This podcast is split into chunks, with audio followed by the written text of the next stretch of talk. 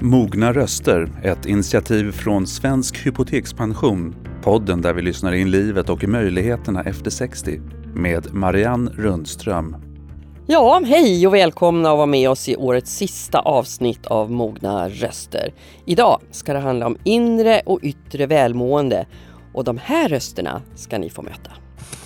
När livet slår till, vilket det förr eller senare hos alla, då är det egentligen det enda vi har är varann. Olle Karlsson har kallats både Sveriges populäraste och Sveriges bråkigaste präst. Hans livsresa har givit honom erfarenheter allt ifrån att befinna sig på botten till stora framgångar och han vet vad förändringar kan innebära. Idag ska vi bland annat prata om när vi behöver tröst och hopp. Och så hälsoprofeten som revolutionerat sitt liv och vill att vi ska se maten som medicin. Ja, nej men alltså den där som du pratar om, vi kallar ju för den inre schimpansen. Ja, strax möter ni Maria Borelius som vill visa vägen till ett långt, starkt och friskt liv. Dessutom det digitala liv som ingen kommer undan. Idag kan vi presentera ett nytt verktyg för just alla er 60-plussare som vi vänder oss till.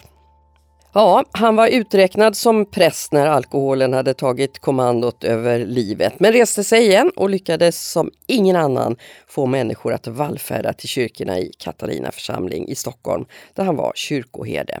Nu har han lämnat också den tjänsten, men Sveriges bråkigaste präst lutar sig inte tillbaks. Vid uppnådd pensionsålder, nu skapas ett andligt Friskis och Svettis och lagom till helgerna, som kan vara ju rena lyckoruset för en del, men en svår utmaning för andra, så kommer han också med nya boken om tröst. Nu säger jag varmt välkommen till Olle Karlsson. Tack så hemskt mycket. Mm. Jag har redan kladdat på dig två epiteter. Ett när vi inledde alltihop om Sveriges populäraste präst och nu sa jag Sveriges bråkigaste präst. Om vi, om vi tar det senare, ja. hur förhåller du dig till det? För det finns de som menar att det har varit. Jag vill inte bråka egentligen, så jag är inte speciellt bråkig, men däremot så drivs jag av en stark vision och jag tro på någonting och eh, då får man ju liksom också, då kan man ju hamna i konfrontation med människor och då får man ju se om det är mig de har problem med eller själva idén någonstans. Och står man för en idé så, så kanske också att det, det, det blir vissa konfrontationer ibland. Men du, ett långt liv, ett slingrande liv på många sätt. Du har varit som sagt på botten, du har mm. tagit upp och nu efter pensionsålder, uppnått pensionsålder, så har du faktiskt börjat en ny verksamhet, du har en ny familj, små barn. Är, är livet, var, var är du i livet nu? Är det drömlivet du lever för tillfället? man får vara försiktig att säga det, det kan ju ändra sig snabbt. Det är bara ett fingersnäpp från toppen ner till botten, sjunger gamle Lundell. Eh, jag, mår, jag, jag, tycker livet är väldigt eh, meningsfullt. För mig så är det liksom, mening är viktigare än att vara liksom lycklig någonstans. Det känns väldigt meningsfullt och rikt och jag är väldigt tacksam för hur livet har genom alla törnar liksom råkat manifestera sig som det gör nu. Så att jag är, eh, jag, jag, känner mig lycklig och glad i alla fall för det mesta. Peppar peppar. Och vad är det som har fört dig till det, fram till det? För mig handlar det ju mycket om min gudstro som är ett icke tillåtet ord i vårt land egentligen. Men min tro har, bär mig och eh, som boken Tro och tröst, och för mig är tröst och tro är samma ord egentligen. Så att jag, tron faktiskt, jag måste, det får bli svaret. Mm. Det där med tröst, det är den stora rubriken på din nyutkomna mm. bok. Eh, och då tänker jag att, att här i Mogna röster så pratar vi väldigt ofta om människor som befinner sig ungefär den åldern du är nu, 60 plus i alla mm, fall. Mm, absolut, 66. Ofta i sammanhang där, där livet förändras väldigt mycket. Man kanske går i pension, man förlorar jobbet, man kanske mister det där sammanhanget som har varit vardag under väldigt lång tid. Förstår tror nutidsmänniskan som är så oerhört prestationsinriktad att man kan behöva tröst i de där sammanhangen? Nej, jag tänker att det är väldigt omodernt ord som inte riktigt passar in i den liksom, kultur vi har skapat. Där det inte passar inte in att åldras heller egentligen på ett sätt då.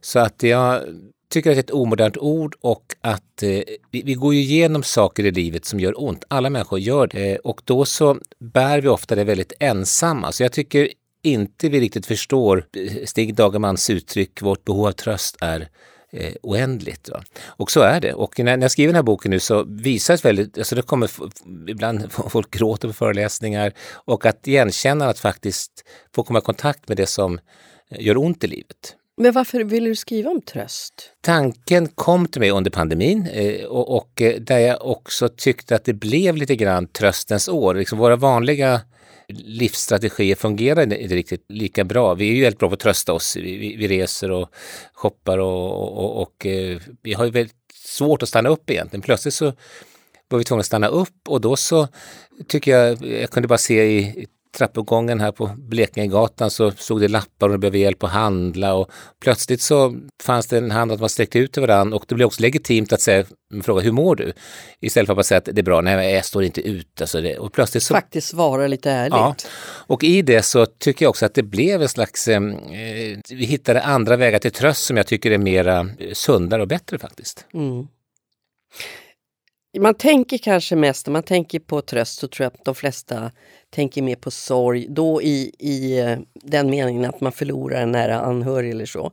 Men när vi befinner oss i den här åldern, 60 plus, och just för många lämnar arbetslivet, går i mm. pension till exempel. Det innebär ju många stora förändringar och förluster kanske på många ja. sätt. Alltså. Men kan man, kan man säga att man behöver tröst i det sammanhanget? Absolut, alltså, och jag tror att du behöver få, alltså vad är tröst? Dels att erkänna att i ett land också, en kultur där vi är våra arbeten så mycket. Alltså vi, vi har ju hela vår identitet mycket mer än andra kulturer. Så klart att det är en, en, en stor omvandling, förändring att inte ha kvar sitt jobb. Och jag, jag har precis haft en retreat i helgen där också det var några personer som då befann sig i den tiden när de plötsligt, jag, jag vet inte vad, vad ska mitt liv till? Eh, att få bli tagen i anspråk, eh, att förlora en, en... Det är ju en förlust av en plats och identitet som faktiskt då eh, går igenom, tror jag, liksom sorgens olika faser. Och ett sammanhang, tänker jag. Hur viktigt är det? Vi kan ju raljera ibland över att vi svenskar är världens ensammaste folk. Det finns ju också något fint att man kan bryta upp ifrån gamla liksom, strukturer och inte behöver leva i någon stor klanfamilj. Men när livet slår till, vilket det förr eller senare hos alla, då är det egentligen det enda vi har är varann. Då har du själv passerat 65. Hur går, hur går dina tankar kring den här tiden i livet då? Hur man ska, du sa att en del frågade vad ska jag med livet till nu? Vad ska ja. jag göra med det? Eh, jag är väldigt tacksam att jag har jag känner någon slags kall eller någonting och att jag får göra det jag vill. Nu har jag ju slutat min liksom vanliga tjänst så jag skulle kunna, ibland så tänker jag att det vore skönt bara att få, få, få lägga sig ner på soffan där och, och, och påta i jorden i Roslagen. Men, men jag är väldigt tacksam att jag, eller jag vill vara i anspråkstagande och väldigt, känner mig lycklig att jag får vara det. Att jag känner, det känns som att jag får vara i liksom det som är mitt rätta element. Att skapa sammanhang och möta människor bakom fasader och sånt där. Så att jag, sen så tycker jag det här med åldrandet, liksom, det är läskigt. Jag brukar möta folk som kanske är tio eh, år yngre än mig som blir oroliga för att bli gamla. Så jag tycker det går över ändå. Liksom, men det är klart att jag... Ja, men, att, men det är klart att det förnekande blir bara starkare, och starkare. Men, men, men, det är klart att man är glad vet inte hur länge liksom hjärnan funkar eller kroppen hänger med. Liksom. Så det är, det är ju liksom en kamp mot kroppens förfall. Men det, det kanske är på ett sätt lite enklare för dig att tampas med det här när, när du fortfarande har, du har ett barn som precis har börjat skolan. Mm. Du har ett imponerande åldersspann mellan dina ja, sju barn, från 40 ner mm. till, till 6. Mm. Då. Men, men drabbas du aldrig av åldersnoja?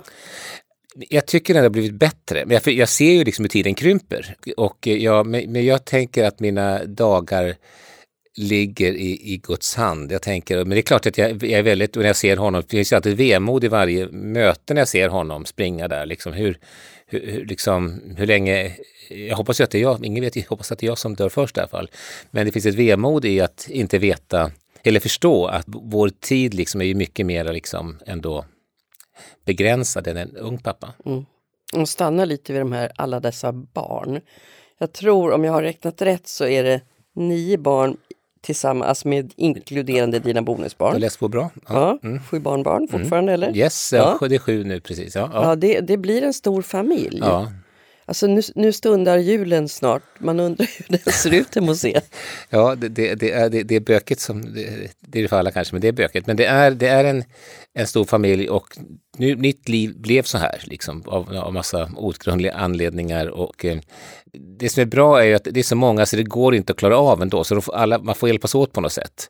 Faran är ju att det är ju att glömma de som då, de det går bra för. Det finns ju alltid en anledning att finnas till. Du sa ju små barn, små bekymmer, stora barn, stora bekymmer. Och det finns ju det är risk att man, eller det är fara att man finns där som att då bära de som har det svårast och de som skulle behöva liksom mm. pappa eller morfar en klapp på axeln och en bekräftelse när livet surfar på som bäst. Där tycker jag att det är lätt att missa det.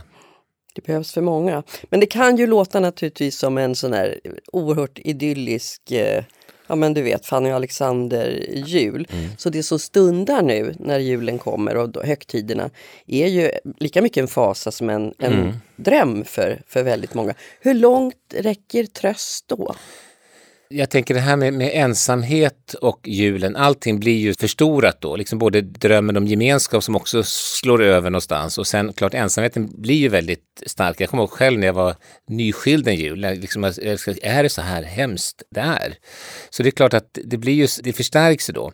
Men jag, jag tänker det stora utmaningen är ju liksom den, en, den, den ensamhetsproblematik som finns året runt i vårt land egentligen. Så ibland så tycker jag det finns något litet romant faktiskt och verklighetsfrånvänt att alla ska hjälpa till på julafton. Liksom. Men när det gäller att vara ensam då så tycker jag liksom, så är ju det är väldigt svårt om du själv är om du själv är den som då har förlorat, säg att du har förlorat en livskamrat eller att du är ensam på något sätt, så är det svårt att bryta den själv. Utan jag tycker det ansvaret ligger mycket på oss då som har gemenskap och sammanhang. Så att, eh, Men måste man själv vara harmonisk, ha det bra i livet för att kunna ge andra tröst? tycker jag inte. Jag tror att det, jag tror att det bästa sättet att glömma sin egen oro eller svårighet är att våga möta andra människor. Alltså, det är väl snarare så att det, att det kan vara svårt att på något sätt tänka sig eller, eller att bara sörja sig igenom en, en förlust utan ett Sören Kierkegaard sa det är bättre att vara ett handlande jag än ett lidande jag.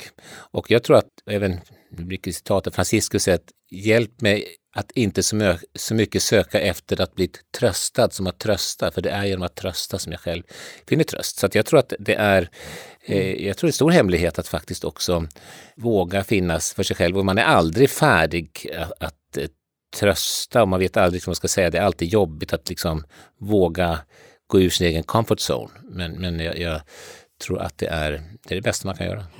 Det finns ju en undertitel också, nu har vi pratat mycket mm. om tröst, men ja. det står Tröst, hopp och livsmod har du döpt mm.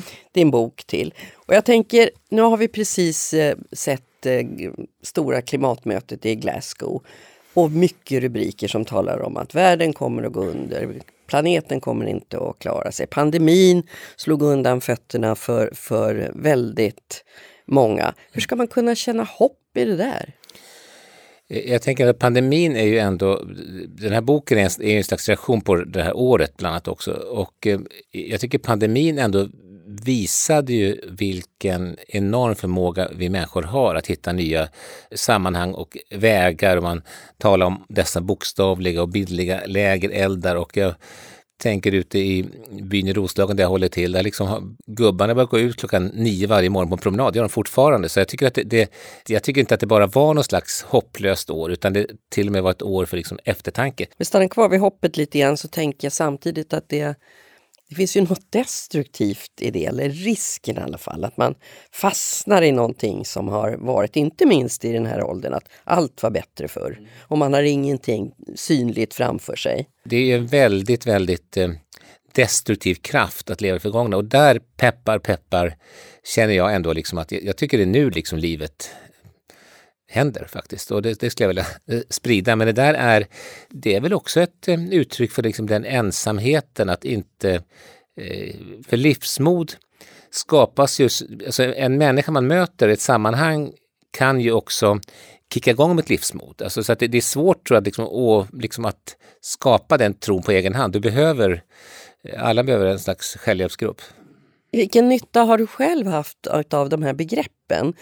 Trösten, hoppet, eh, och livsmodet. När du själv har varit i de här djupa kriserna, din fru hade lämnat dig, mm. du, höll, du höll på att förlora vårdnaden om dina barn och jobb. Och, det var ju verkligen, du var på botten där ett tag. Ja, det var jag. Liksom, och, och sen kan ju livet kan ju slå till alltid, men det var ju liksom en, någon slags, eh, det var ju ändå en eh, någon slags inferno period av mitt liv eh, och där ingenting var självklart. Och, eh, men jag har alltid på något sätt burits av en kraft och jag återkommer till det här med min gudstro, att, liksom att jag alltid känt att när det är som sämst så är jag också som närmast den, den kraften som bär universum eller livet i sin hand. Och eh, jag alltid, och därför tro och tröst är samma ord, och jag har alltid på något sätt burit sig och hittills har det varit så. Alltså det är inte så att, att, att allt blir enkelt och har sår kvar, men jag, eh, jag älskar det ordet serendipity som det betyder hur liksom ödets eh, lyckokast, hur någonting mycket svårt också kan bli till det bästa. Generellt sett tror jag att alla människor har, har vet, många har den erfarenheten att det som man tror liksom är livets liksom mörkaste punkt ändå kan bli en slags kamouflerad port till ett, mm. ett, ett, ett, ett vackrare liv. Nu har vi pratat en del om att du har slagit in på nya vägar, att eh, efter pensions, uppnådd pensionsålder mm. faktiskt. Det heter Contempel. Ja. Ja, du, du, får själv beskriva lite grann vad det där är, för det är en helt ny verksamhet ja, för dig. Själva ordet är ett påhittat ord som ger tre, ska ge, ge tre associationer. Det är tempel, kontemplation och komplement. Och eh, jag är fortfarande präst i Svenska kyrkan, jag har ett gott förhållande till allt vad de heter, biskopar och domprostar. Eh, nästan alla i alla fall. Eh, och vi har vårt säte då på, på Skeppsholmen där vi också kan under friare former skapa de här mötesplatserna. Framförallt jobbar vi med en jag startade ett slags självhjälpsprogram för normalstörda människor som heter Livsstegen, som är själva the backbone i det vi gör. Mm. Och dit är även tvivlare välkomna? Dit är särskilt tvivlare välkomna, men även den som tror. Men, men, men det är att skapa det här äh, öppna rummet äh, som, som kan ju vara bara att liksom sitta i ett café och fika. Det kan vara att delta i en samtalsgrupp, det kan vara att sjunga en kör, äh, det kan vara att vara, vara skapande. Eh, vara tillsammans. Vara, att vara tillsammans. Mm. Det är så enkelt. Mm. Du, vi ska alldeles strax äh, släppa in Maria Borelius mm. som har skrivit en ny bok som heter 12 veckors program för hälsa och styrka. Och jag tänker, vad är det med det där 12? För du skrev också en bok för ett mm. tag sedan som hette 12 steg till inre hälsa. Mm. Vad är det med den där siffran? Man brukar säga att 12 är mänsklighetens tal. Nu, Livssteg som jag skrivit har 12 existentiella teman som tycker jag är vettiga som också har sitt, sin inspiration för Anonyma Alkoholisters 12 steg. Men Anonyma Alkoholisters 12 steg bygger egentligen på fem principer från Bergspredikan från början, så det behöver inte bara vara 12. Men jag tror nu så har 12 också blivit ett eh, någon slags kodord för en, eh, en, en lyckad eh, ta sig igenom något. Ta, ta sig igenom något. Mm till en bättre en förändring som ja. leder till något bättre. lärjungarna var tolv, eh, liksom eh, 12, Israels tolv stammar. Så mm. det, ja. Då får vi höra strax vad Maria ja. Borelius lägger in i sina tolv veckors 12 veckors steg. Jag, jag ska lyssna sen. Mm. Tusen tack för att du kom Olle. Tack så hemskt mycket. Vi lyssnar på landets mogna röster. Ja, vi ska hänga oss kvar vid siffran 12. Inte bara för att det är årets tolfte månad utan också för att det ju verkar, som vi pratade om alldeles nyss, vara något alldeles mirakulöst nästan med siffran 12.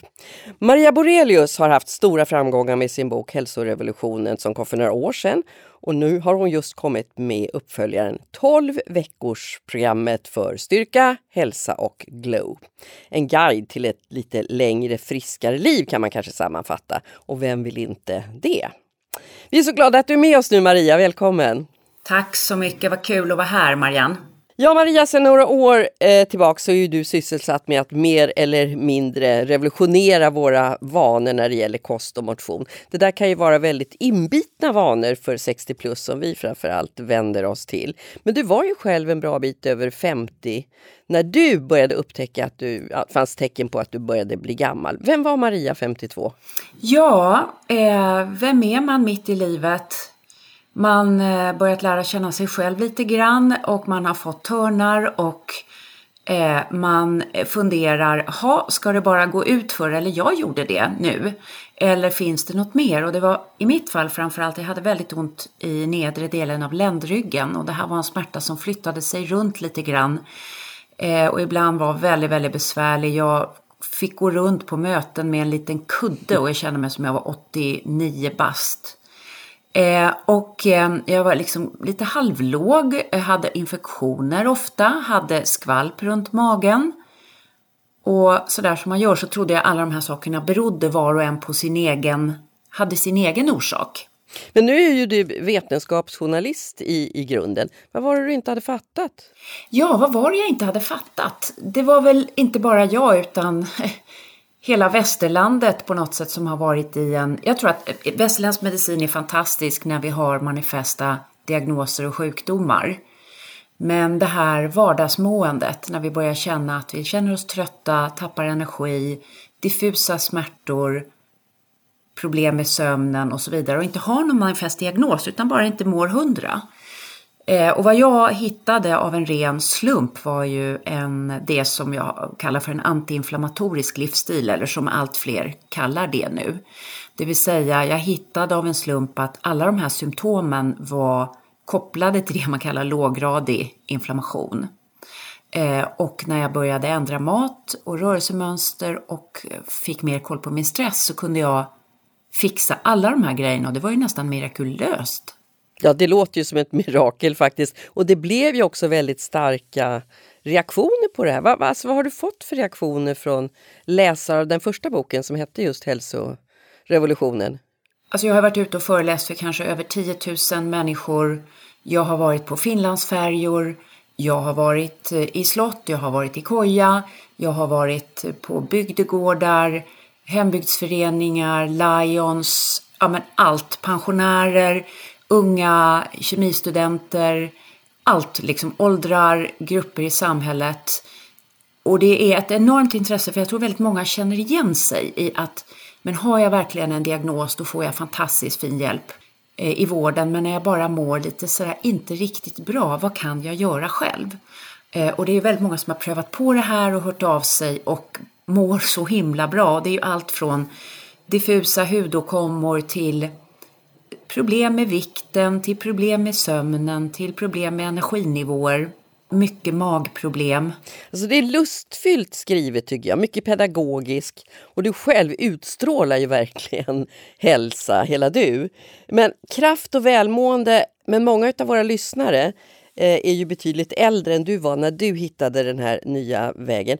Ja. Är det aldrig för sent att börja slå om till någonting helt nytt? Nej! Så jäkla härligt är det att de har visat att eh, omläggningar, till exempel med att börja träna styrketräningar, har man sett effekt på människor över 70. Och jag tror nästan, alltså man kan tänka tvärtom, därför att någon frågade mig, hade du fixat den här omställningen när du hade småbarn? Jag har fyra ungar. Jag tror inte jag hade gjort det, för jag hade liksom inte tid och vare sig jag eller min man, vi var ju helt utschasade av hela, hela grejen. Men när man jag började ju med det här när mina barn höll på att lämna hemmet och då hade jag, jag kunde bestämma mer över hur jag åt och hur jag levde. Så man har en frihetsgrad när man till exempel inte har småbarn. Så det finns en väldig fördel med att vara lite äldre och man känner sig själv bättre kanske också. Men hur, hur strängt är det? Vad är no-no? Måste man rensa bort nästan allt som är kul? Ja, det beror ju på vilken effekt man vill ha. Men jag brukar tänka 80-20, det tycker jag går att leva efter för det mesta så lever jag antiinflammatoriskt och med det menar jag att mycket grönsaker, bra proteiner, bra fetter, framförallt de omega-3 fetterna, fyller på med goda bakterier och undviker i mitt fall då socker och gluten och eh, försiktig med laktos. Eh, och sen gör jag små glada utsvävningar ungefär två gånger i veckan och är en glad delfin. det är mitt favoritdjur och simmar med flocken och gör glada saker som alla andra gör. Är det samma sak som att äta chips? Ja, det är det. Alltså, jag är ingen stor chipsfan, men jag är en ganska stor fan av andra saker. Lite vin, glada efterrätter, eh, ja, lite sådär trevliga saker som dyker upp i min väg.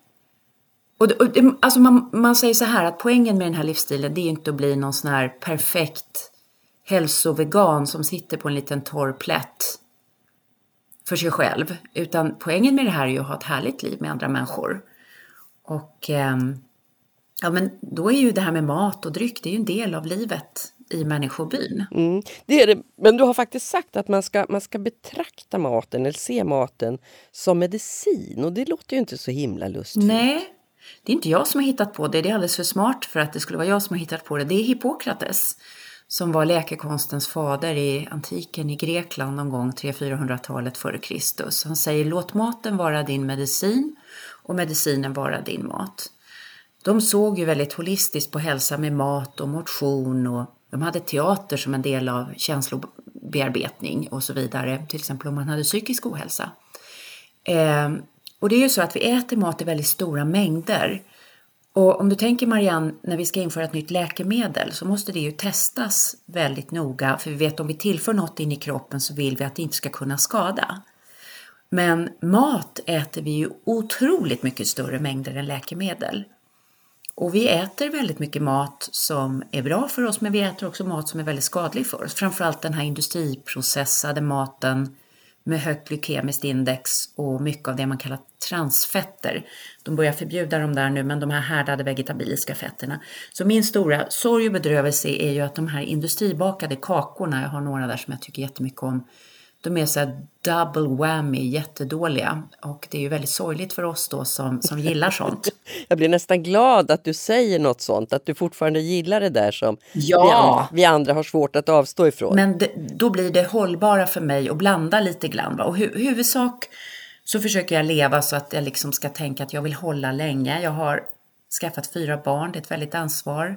Jag vill hålla för dem och eh, hålla för att leva rikt. Så jag försöker äta och motionera och meditera och sånt där för det. Men, men sen vill jag ju, ja, det är jul och snart och då är det klart att jag kommer göra mysiga grejer med min familj och sådär. Du, den där kopplingen, hjärna och tarm, den är ju inte alldeles självklar för varenda människa. Nej, Nej, det är superspännande det här. Alltså om man tittar i ayurveda, den gamla indiska medicinen, så sa de ayurvediska läkarna redan för 2400 år sedan att det finns något mellan magen och hjärnan. De kunde se att folk som hade mycket mag-tarmproblem oftare fick det de neurologiska sjukdomar.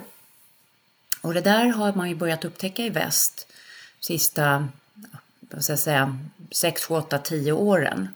Och det är ju den här mikrobiotan i tarmarna, de här mängder med olika bakterier. Vi har betydligt mer bakterie-DNA i oss än vårt eget. Och förut så såg man ju de här bara som någon slags fripassagerare som satt där på människotåget och tuffade vidare. Men nu har vi börjat förstå att de lever ju i symbios med oss. Och då finns det goda bakterier som är med och smälter vår mat och skickar ut en mängd välgörande ämnen som kommunicerar väl med vår hjärna. Och så finns det bad guys i tarmarna, alltså dåliga, dåliga bakterier. Och vi kan, som kommunicerar så att säga dåligt, släpper ut produkter som kommunicerar dåligt eller påverkar tarmens, tarmslemhinnans genomsläpplighet så att saker släpps ut i blodet som inte ska vara där.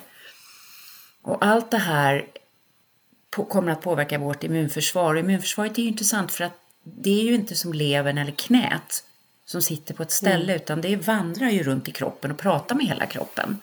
Och om du tänker så här att när du ska bli sjuk Marianne så får du ju lite ändrat beteende. Absolut. Eller hur? Ja. Liksom du känner dig lite krymig. Eller hur? Du vill gå och lägga dig med en liten pläd. Du, vill, du är inte jättegott självförtroende. Det är inte då du ringer och gör den där, liksom, inte anställningsintervjun utan det är då du var lite i fred. Och det kallar man sjukdomsbeteende och det är medierat via inflammationsmarkörer som pratar med hjärnan. Så man vet att immunförsvaret har en direkt kommunikation med hjärnan och ställer om vissa signalsubstanser i hjärnan på, så att du ska liksom lite vila Men hjärnan kan ju också lura oss i fel och. riktning. Jag tänker på det för när du, de här 12 veckorna, det är väldigt, det är väldigt alltså mm. steg för steg går du igenom i boken hur vi ska bete oss och ett av de första är just att mm. man ska bli sin egen coach. Och då tänker jag att min egna coach skulle kunna lura mig, inte vart du vill utan vad jag vill, vart jag vill. Ja, hur är din coach då? Nej men den kan, det kan faktiskt vara liksom några nävar chips och, och sånt där. Ja, något glas vin ja. och sådär, en, en vanlig tisdag och du vet. Ja, nej men alltså den där som du pratar om, vi kallar ju för den inre schimpansen. Den här impulsstyrda, lite ystra lilla barnet vi har inom, men nu vill jag ha chips för nu står en skål med chips här. Det har vi ju alla. Men eh, jag tror ju att man har en högre funktion också som är liksom ens inre människa som är yttre delarna av hjärnan, de som kommer senare i evolutionen som kan tänka lite mer långsiktigt. Så varje dag har vi ju en dialog mellan den här sunda, förnuftiga, kloka och så har vi ju vår lilla inre schimpans. Vi skriver ju mycket om den här inre schimpansen. Inre schimpans. Ja. Och den har ja, vi ju... ska ta den där schimpansen i örat. Nej, ja, det kan man göra. Eller men vi ger lite andra tips på vad man kan göra med sin schimpans. Den är ju som en liten treåring. Man kan muta schimpansen. Det är ganska bra att säga så här.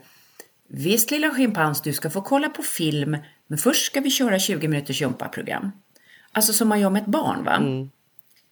Du ska få något kul, men först gör vi det här. Men alltså jag tänker på när du säger gympaprogram nu, så här, rörelsen är ju jätteviktig naturligtvis. Och inte vilken rörelse som helst, utan det är ju ganska noggrant hur man ska... Ja, det är alltid bra att röra på sig i och för sig. Men, men eh, det, vi har ju en period bakom oss här nu när vi har sjunkit allt längre ner i soffhörnan med Netflix. Ja. Och det, det, är skönt att kunna skylla på pandemin för då är det inte den inre schimpansen som bråkar. Men, men räcker det alltså om, om, man, om man tänker så här, ja nu äter jag precis som, som jag ska göra, vad som är bra, fyra grönsaker varje måltid och sådär. Räcker det ändå för att nå de här målen om man fortfarande sitter, blir stillasittande där i soffhörnet? Ja, det där är ju en jättebra fråga eh, och jag var precis med hos Malou här på, på TV och vi pratade om det här. I USA så börjar nu ett gäng lite framåttänkande forskare prata om att stillasittandet är det nya vita sockret. Därför att det visar sig att att sitta stilla i sig i långa perioder framkallar låggradig inflammation. Och eh, det känner man ju också om man har suttit väldigt länge, alltså liksom hela hjärnkemin går ner, man känner sig seg. Alltså det är ingen som känner sig lycklig av det. Jag kan också hamna där, så det är väldigt lätt hänt. Och vi har ju en hel underhållningsindustri som försöker droga våra hjärnor med de här filmerna som startar av sig själva. Man behöver inte ens gå och sätta på någonting, utan allting bara rullar. Så att vi har ju en hel underhållningsindustri från västkusten i USA som försöker som vi har att kämpa emot. Så det är mycket tuffare idag. Vi kan kalla det den yttre schimpansen. Ja, ja precis. Storschimpansen där borta.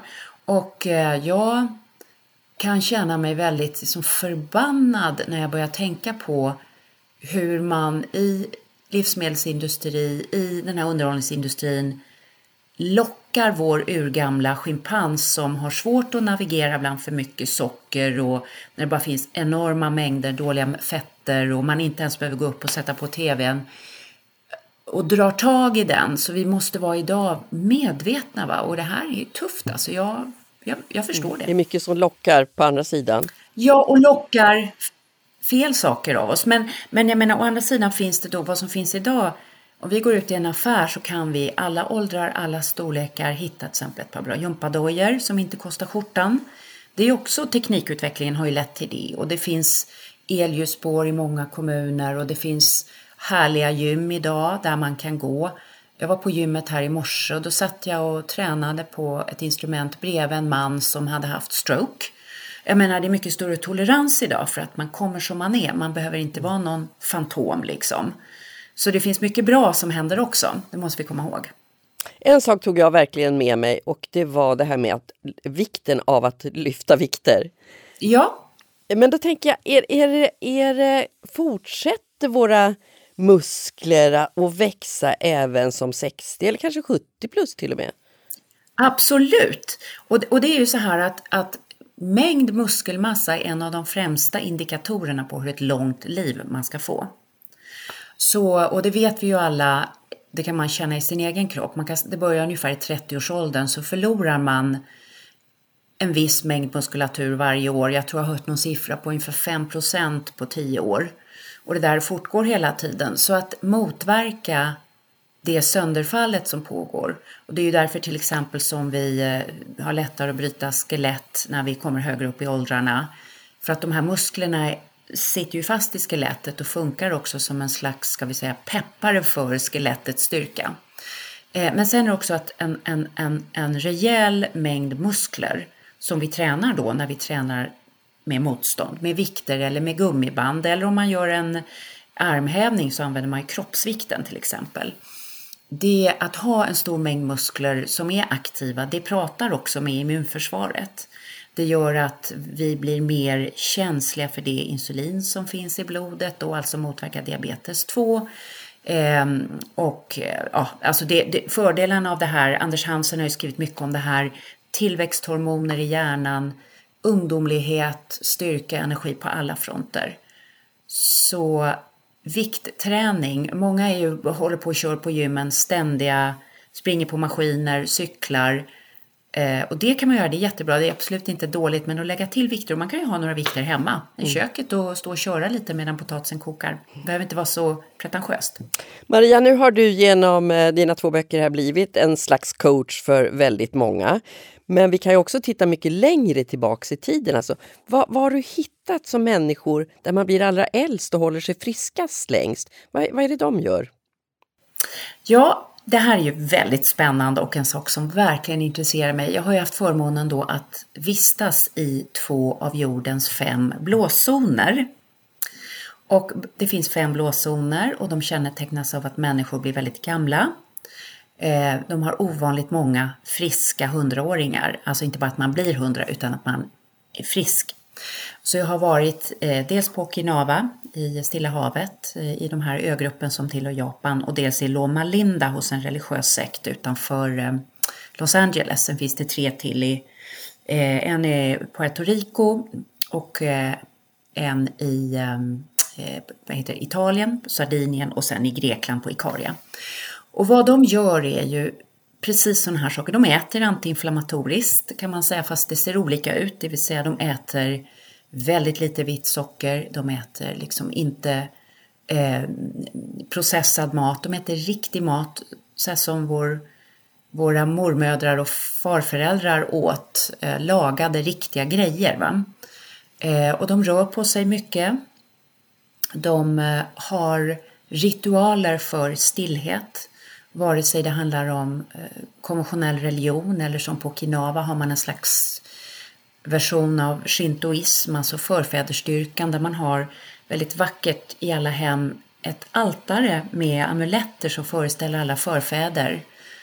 Och så såg jag att de ställde sig framför det här och bugade och viskade något med munnen. Så, så frågade jag min guide, vad är, det de, vad är det de säger? Ja, de ber om frid i hjärtat. Så en slags meditationsform då där man åkallar förfäderna. Så det här liksom stresshantering, känslohantering och sen att leva i en community bland andra människor där man betyder något och har ett sammanhang och, och så är väldigt viktigt för människan också verkar det som. Mm. Tusen tack Maria! Imorgon kanske en och annan slår in på en helt ny väg som har lyssnat på dig. Jag måste förresten ja. fråga, hur börjar du din dag? En ny jag dag? Jag börjar på ett fantastiskt sätt tycker jag själv. Jag börjar, det första jag gör är att meditera 10 minuter. Och sen tar jag en kopp te och gör lite, skriver bara lite mål för dagen enkelt. Och sen går jag ut och går en kort stund på morgonen. Inte långt, 12 minuter bara. Eh, lite var jag än är, 12-15 minuter bara för att få dagsljus tidigt på dagen och komma igång och röra på mig innan jag äter.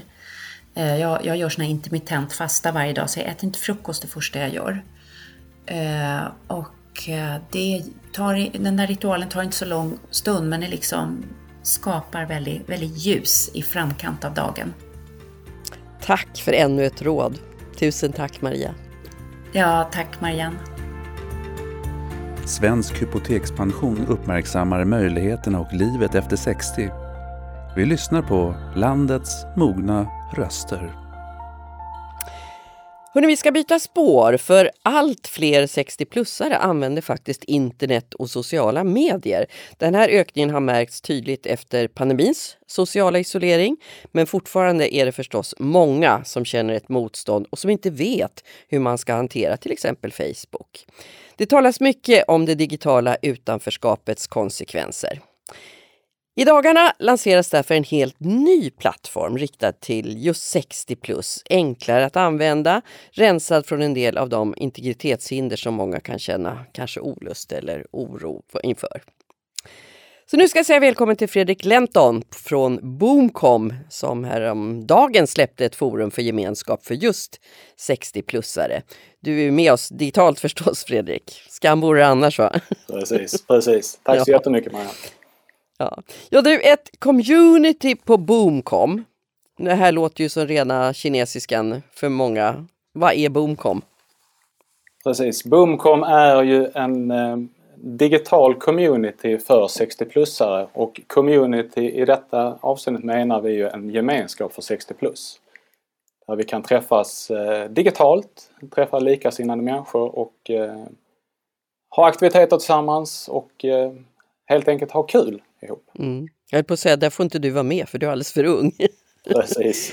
Precis. Men, men hur kom du på att det fanns ett behov av något eh, lättillgängligare på sociala medier? Bakgrunden till eh, Boomcom föddes egentligen utifrån eh, pandemin som har varit. Där jag såg mina egna föräldrar bli väldigt isolerade i deras sociala liv. Och de försökte liksom att socialisera i dagens plattformar som finns där ute. Men de är ju alla då utvecklade för den yngre generationen. Och det har ju hänt ett par gånger att jag har fått samtal från min mor att Hoppsan, nu tryckte jag på den där konstiga knappen igen och eh, vet inte riktigt om du har fått något konstigt meddelande. Vi alla varit där, kan jag säga. Precis. Vi har ju även då sett utifrån ett forskningsperspektiv att eh, den här livslängdsekonomin som, som eh, finns idag där vi, vi lever längre, vi är friskare och vi förväntas produkter eh, för oss i en äldre generation ehm, var liksom startskottet nu för för Boomcom. Eh, där fanns ingen produkt för 60 plus och marknaden kräver det. Så då sa vi att då bygger vi en produkt helt enkelt för 60 plus. Och där hade du ju faktiskt lite nytta av dina föräldrar då kan man säga. Har de funnits med i processen när ni har arbetat fram det här? Absolut. De har varit väldigt aktiva i Boomcom-utvecklingen tillsammans med en större referensgrupp som vi har pratat väldigt mycket med och haft eh, fantastiska möten och intervjuer med eh, vår referensgrupp. Och eh, den genomgående vad ska man säga, röda tråden i de här intervjuerna är ju att målgruppen känner ett otroligt brus idag på nätet. Och man känner sig otrygg. Och att det är ett väldigt högt tempo. Det är ett högt tempo på uppdateringar, det är ett högt tempo på nya funktioner. Så att på Boomcom så vill vi verkligen erbjuda en helt ny upplevelse. Men vad var det för behov som den här referensgruppen uttryckte? Behovet är att få en, en, en plattform kan man säga som är anpassad för oss. En plattform som är anpassad utifrån funktioner, utifrån hur designen är gjord eh, och innehållet framförallt. Fast du, var, varför funkar till exempel inte Facebook? Där är ju ändå nästan hälften av den här åldersgruppen finns faktiskt med på Facebook. Varför, varför funkar det inte för alla? Ja, den, den, den eh, vad ska man säga, feedbacken eller den, den, de eh, insikterna vi har fått är ju att många av våra eh, medlemmar eh, får väldigt mycket vänförfrågningar till exempel. Man känner sig otrygg och det är ett väldigt högt brus helt enkelt. Det är väldigt mycket information hela tiden. Och vad är den stora skillnaden då i det som ni presenterar nu som blir en ny slags community eller plattform för, för just de som har ja, passerat 60? Den stora skillnaden är som sagt att plattformen är utvecklad för 60 plus med eh, design och funktioner och innehåll. Men också väldigt viktigt här att vi kommer att verifiera alla våra medlemmar på Boomcom. För att verkligen säkerställa att du är du. Och undvika de här, vad ska man säga, fake-användarna som finns ute idag och, och trollen. För att verkligen ta bort eh, otryggheten. Alltså det är ju många, det hör man ofta tycker jag att folk säger att jag vill inte vara med på de här plattformarna av integritetsskäl. Att man är rädd för att hela ens, ens liv ska, ska man kunna vända ut och in på när man är med på något utav det här. Det kan vara Facebook, det kan vara, ja du vet, alla spelar egentligen ingen roll men det är många plattformar igång nu. Eh, blir det, hur, hur kan det bli säkrare på Boomcom? Ja, det säkra är ju att vi som sagt vi verifierar våra medlemmar genom BankID. Så det är en väldigt viktig faktor för oss att säkerställa. Så varje gång man går in så måste man identifiera sig med BankID? Du, eh, du verifierar dig eh, vid registreringen. Gör du. Och hur, får, hur hittar man sina vänner? Ja, det gör du inne på, på, på eh, Boomcom. Där kommer du då få ett, eh, Du har ju din egen profil inne på Boomcom och där kan du då i sin tur koppla på dina vänner och du kan skapa dina egna privata grupper inne på Boomcom. Vad tänker du att det här ska kunna betyda, få för, uh, göra för skillnad för? Alltså, enklast för dig är naturligtvis att titta på dina egna föräldrar och vad de saknade. Precis. Ja, det viktiga för oss eh, det är att vi vill skapa en, en inkluderande digital framtid för våra 60-plussare. Och jag vill också säga det att, att, under alla de här intervjuerna som vi har haft med alla fantastiska människor eh, Ehm, i, i målgruppen är ju att vår vision kring Bunkern har verkligen kristalliserats och det är ju att ingen 60-plussare ska känna sig ensam. Att verkligen känna den här gemenskapen och glädjen. Att det ska vara kul att gå online idag. Ehm, och du ska må bättre när du loggar ut från bunkern än när du loggade in. Mm. Det finns ju flera undersökningar som visar att just de som är ute på nätet eller på sociala medier, de har också ett ökat välbefinnande. Vilket mervärde kan du se framför dig? Om vi nu, alltså nu är det här precis i sin linda, det har precis släppts i dagarna. Men när det går lite längre tid, vad, vad kan det få för konsekvenser? Ja, det som vi ser som en verklig fördel här är ju att vi kan eh, eh driva på som säger, intressegrupper inom nischade områden eh, där du kan få träffa likasinnade människor. Vad kan det vara? Eh, det kan vara, eh, vi kan ta tomatodling, cocktailtomatodling till exempel som ett exempel. För att verkligen hitta en, en väldigt snäv nisch. Och där kan du då komma i kontakt med likasinnade människor över hela Sverige med, med samma intressen. Ja, det är ett bra sätt att och, skapa... Och, och, verkligen bygga, din, bygga ditt intresse. Nu är det ju väldigt många ändå som just under pandemin har ökat sina kunskaper kring den digitala världen och kanske man har ju både haft mera tid på sig men också insett att det här kan ha ett stort värde för livet, ge väldigt mycket nya kontakter och så. Det, det var ju, tyckte jag själv, att man satt många gånger där och tyckte att gud, vad, hur skulle den här tiden vara utan sociala medier? Att det var där väldigt mycket möten skedde som annars sker på gatan eller du vet fysiskt i alla fall. Vilken betydelse tror du att eh, pandemin har haft för människors kunskaper om det digitala, den digitala utvecklingen? Ja, den har ju varit väldigt avgörande. Det har den ju varit. Och vi vet ju också att, att alla generationer har ju blivit mer digitala och framförallt den äldre, äldre generationen har ju verkligen tagit klivet ut digitalt i, i, sen pandemin slog till. Vilket vi såklart ser som en väldigt fördel nu att vi kan verkligen fånga upp alla som har blivit tvingade ut för att få någon form av, av, av social närvaro. Nu kan vi verkligen fånga upp det och ha kul eh, tillsammans. Eh, så vi, vi ser det väldigt positivt. Och det är ju många att fånga upp faktiskt. Ungefär hälften idag finns på internet och på sociala medier. Så det finns någon miljon till där som du kan försöka skaffa, skapa kontakter med. Men hur tänker du kring, kring alla de som inte kommer att anamma den digitala världen, som inte hoppar på till exempel Boomcom eller något annat? Vi eh, hoppas ju såklart att, att vi kommer få ett så pass högt genomslag att det här är, eh, blir en sån, sån driv att verkligen gå digitalt. Sen vet vi också att alla människor, som med allting annat, allting är inte för alla. Men såklart att vi hoppas ju att det här blir verkligen en positiv eh, bild för, för målgruppen helt enkelt och en, en positiv community. Tack ska du ha Fredrik Lenton. Om sådär en, en 20, 15-20 år får du också vara med på din egen plattform då? Ja, vi längtar dit. Ja. Tack ska du ha. Tack själv. Fredrik Lenton från Boomcom som alltså släpper den här plattformen för 60 plus just i dagarna i början på december. Svåra frågor, raka svar. Svensk hypotekspension reder ut med Robert Lindström och juristen svarar. Ja, då har vi kommit fram till att juristen ska rätta ut några frågetecken åt oss. Ni vet väl att ni kan ställa era frågor kring juridiska spörsmål till Robert Lindström. Ni kan mejla till podden at hypotekspension.se. Så välkommen Robert Lindström från Fenix Juridik. Tack! Kul att ha dig här som vanligt.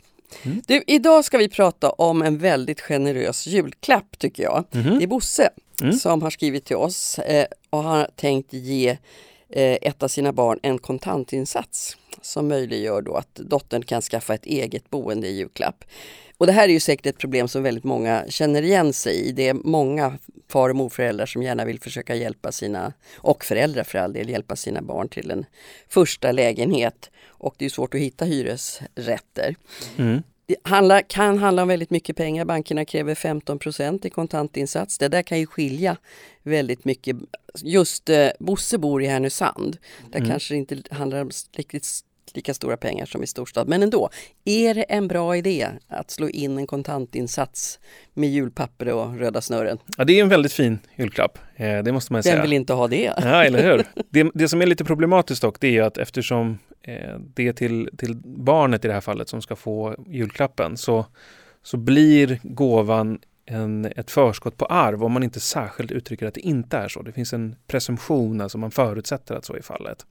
Så här behöver man vara väldigt noga med att gåvan i så fall ska vara antingen förskott på arv och då tänka på, har man fler barn, hur hanterar jag de mm. andra barnen? Han sa ju just att det var ett av sina barn, så han mm. har flera barn. Ja men precis.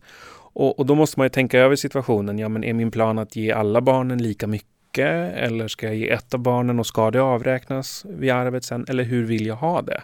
Det bör man tänka igenom och i så fall reglera med hjälp av ett gåvobrev primärt. Eh, så det är liksom den ena delen av problematiken där man bör se över.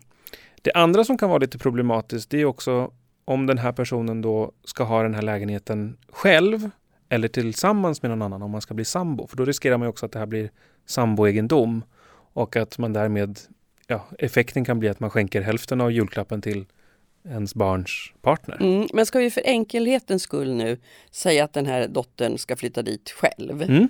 Men vad, vad är det för papper som behöver skrivas då? Är det ett gåvobrev? Ja, ett gåvobrev eh, om det är så att man vill skänka. Eh, om det är så att man bara vill möjliggöra ett köp av lägenhet så finns ju också alternativet att, eh, att Bosse i det här fallet då går in som delägare i, i lägenheten och liksom om man går in då med 15 procent att han blir 15 procent i ägare. Eh, så det är också en, en tänkbar lösning. Eh, så man behöver inte bara liksom rikta in sig på... Att Accepterar det... banken alltid det? Alltså, eh, det är inte alltid så att de accepterar det. Det beror på kreditvärdigheten hos den. Men, men banken har liksom ingen synpunkt på vem som äger så länge de får göra en inteckning i fastigheten eller lägenheten som det beror på. Då. Sen kan de ju ha synpunkter på att vi vill inte att du äger tillsammans med den här personen. Men jag skulle säga att det är en ovanlig invändning från banken. Mm. Nu lär det väl inte finnas några förtryckta blanketter som handlar om julklappar. Men, Nej. men, men vad ska man vara noga med finns med där? Ja, men framförallt den här gåvan, vad är det för typ av gåva? Ska det vara förskott på arv? Ska det inte vara förskott på arv? Hur mycket är det och från vem till vem? Mm. Det är väl liksom de viktigaste sakerna att få med. Och vad är alternativet? Om det är ett lån istället, om man löser det så? Ja, då behöver man ju upprätta ett skuldebrev och där är det betydligt viktigare att man är noggrann då. Eh, för där är det ju mycket saker som kan så att säga bli problematiska. Dels om man ska göra avbetalningar, hur ofta ska avbetalningar göras? Ska det vara någon ränta? När belöper den? När förfaller lånet till betalning? Ska det betalas tillbaka? I så fall när? Och om man inte betalar tillbaka då, ska det vara en dröjsmålsränta? Eller vilka villkor ska gälla för det här lånet? Så där är det verkligen superviktigt att man tänker igenom vilket sätt ska den här eh, möjliggörandet av köpet ske? Ska det vara gåva? Ska det vara ett lån? Ska man gå in som delägare? Och inget av det här är att föredra då? Det ena är bättre än det andra? Nej, utan det beror på vad man vill åstadkomma. Alla tre är bra lösningar eh, och möjliggör ju köpet. Men det är lite olika beroende på vad man vill åstadkomma och hur mycket pengar man har. Mm. Bussiga Bosse skulle jag vilja säga. Men, mm. men vad ska han, vad, vad, vilka fallgropar finns det som gör att det här kan bli problem i framtiden? Den enskilt största fallgropen är att man tänker att ja, men det är ingen fara. Vi är överens, det där löser vi.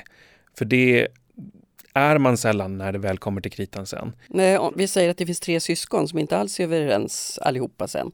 Och de kan vara överens idag men inte vara överens sen. Och, eh, ja, det kan uppstå en massa olika problem. Eh, så att det skulle jag säga är den enskilt största fallgropen. Att, ja, men är ni överens idag? Jättebra. Skriv ner vad ni är överens om så slipper ni bråka om vad det var ni var överens om senare. Mm. Och det ska vara på rim då om det här ska vara på jul ja, exakt, eller? exakt.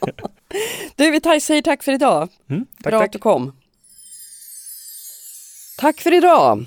Och faktiskt för hela året. Men de mogna rösterna tystnar ju inte. Efter nyår går vi in i poddens tredje år. Och vi är så glada för alla fantastiska gäster som velat vara med oss. Har du som lyssnar förslag på personer som du skulle vilja höra, som kan visa på möjligheter och nya vägar, hör gärna av dig till oss. Podden att hypotekspension.se är vår adress.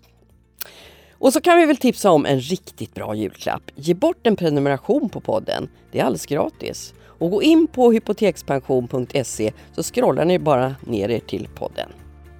Våra avsnitt kan man ju lyssna på när som helst men om du lyssnar just nu i december så ber vi också få önska alla våra lyssnare riktigt innehållsrika goda helger.